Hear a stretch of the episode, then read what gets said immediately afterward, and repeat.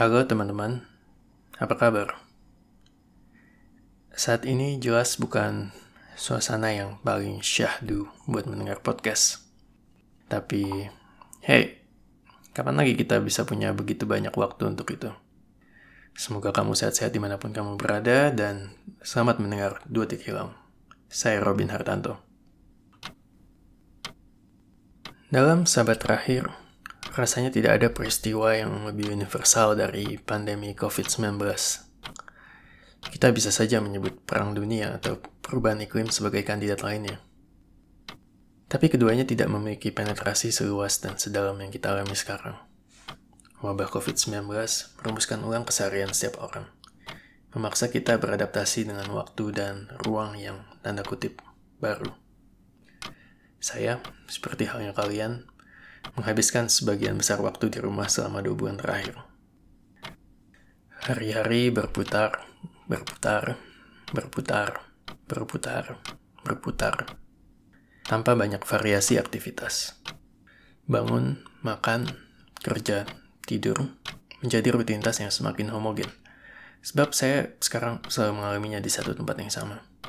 Di kamar apartemen yang tak seberapa luas di kota New York, kota dengan jumlah penderita coronavirus terbanyak di dunia. Di sana saya menunggu, tanpa tahu pasti kapan keseharian saya akan kembali normal. kapan lagi skenario normal terdengar begitu optimis. Di kehidupan pandemi ini, apa yang normal adalah surrealitas keseharian kita. Surrealitas, kenyataan yang tidak biasa, yang melampaui realita. Namun surrealitas pandemi justru menjadi begitu ganjil, oleh karena ia terasa begitu biasa, begitu banal. Ketika saya berjalan di luar rumah, sekedar untuk menghirup udara segar dan menikmati cahaya matahari di taman, semua terasa seperti hari-hari sebelumnya. Tak ada suara ledakan, gedung runtuh, atau angin ribut.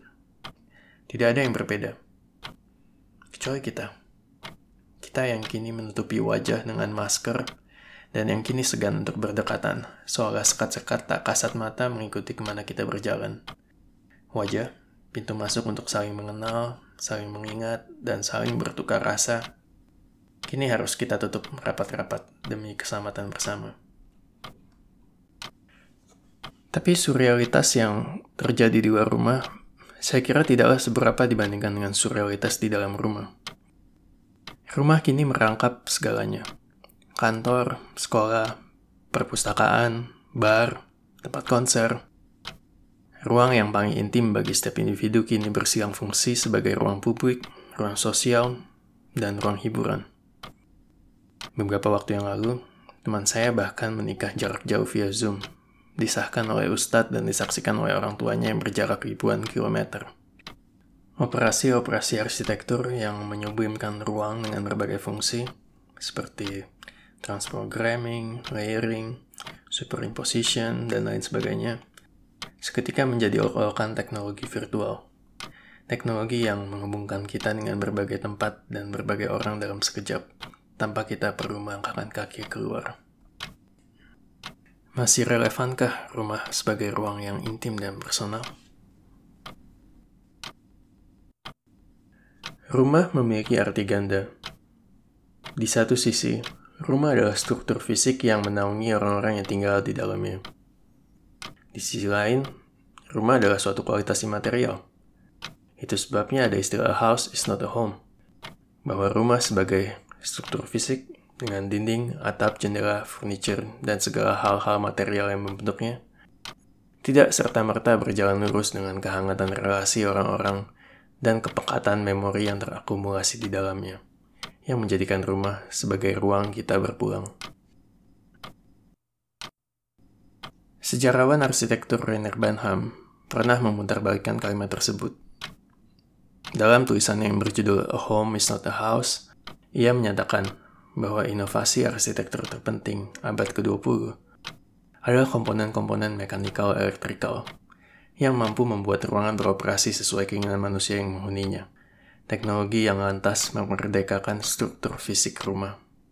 Ia bilang begini, ketika rumah sekarang mewadahi pipa, cerobong, kabel, lampu, saluran listrik, antena, konduit, mesin pendingin, dan pemanas ruangan.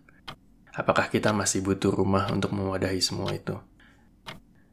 Apa yang tersirat dari pernyataan tersebut adalah putusnya hubungan antara rumah dengan lingkungan. Karena mechanical electrical sudah memberikan kita kemampuan untuk mengontrol ruang dalam sepenuhnya, suhu, kelembapan, kenyamanan. Maka dengan adanya komponen-komponen mechanical electrical, home tidak perlu lagi berupa house. Namun saya rasa Banham sekalipun tidak pernah membayangkan apa yang kita alami sekarang ini.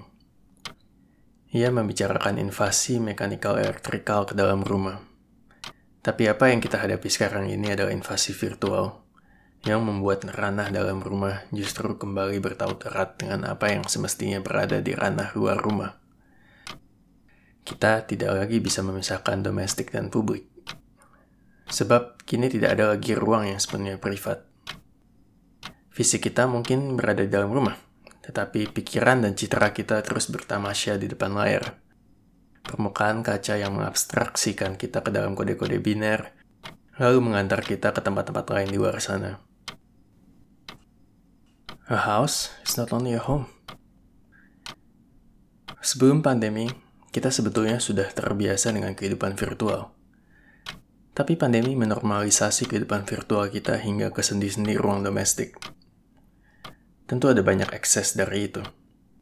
Rumah, tempat kita beristirahat, kini adalah ruang di mana kita harus terus-menerus berrelasi dengan dunia luar. Tak ayal banyak orang yang mengeluhkan Zoom fatigue, lelah dengan kehidupan sosial kita yang kini dimediasi oleh ruang virtual ruang yang sekalipun ia imaterial, sesungguhnya juga dimediasi oleh rumah. Tapi akses tersebut juga adalah perkara apa yang hilang dari menerjemahkan ruang publik ke ruang virtual. Ruang publik adalah ruang di mana kita berjumpa dengan banyak ketidaksengajaan, ketidakterdugaan, serendipity. Di ruang virtual kita menemukan apa yang kita ingin temukan, apa yang kita rencanakan.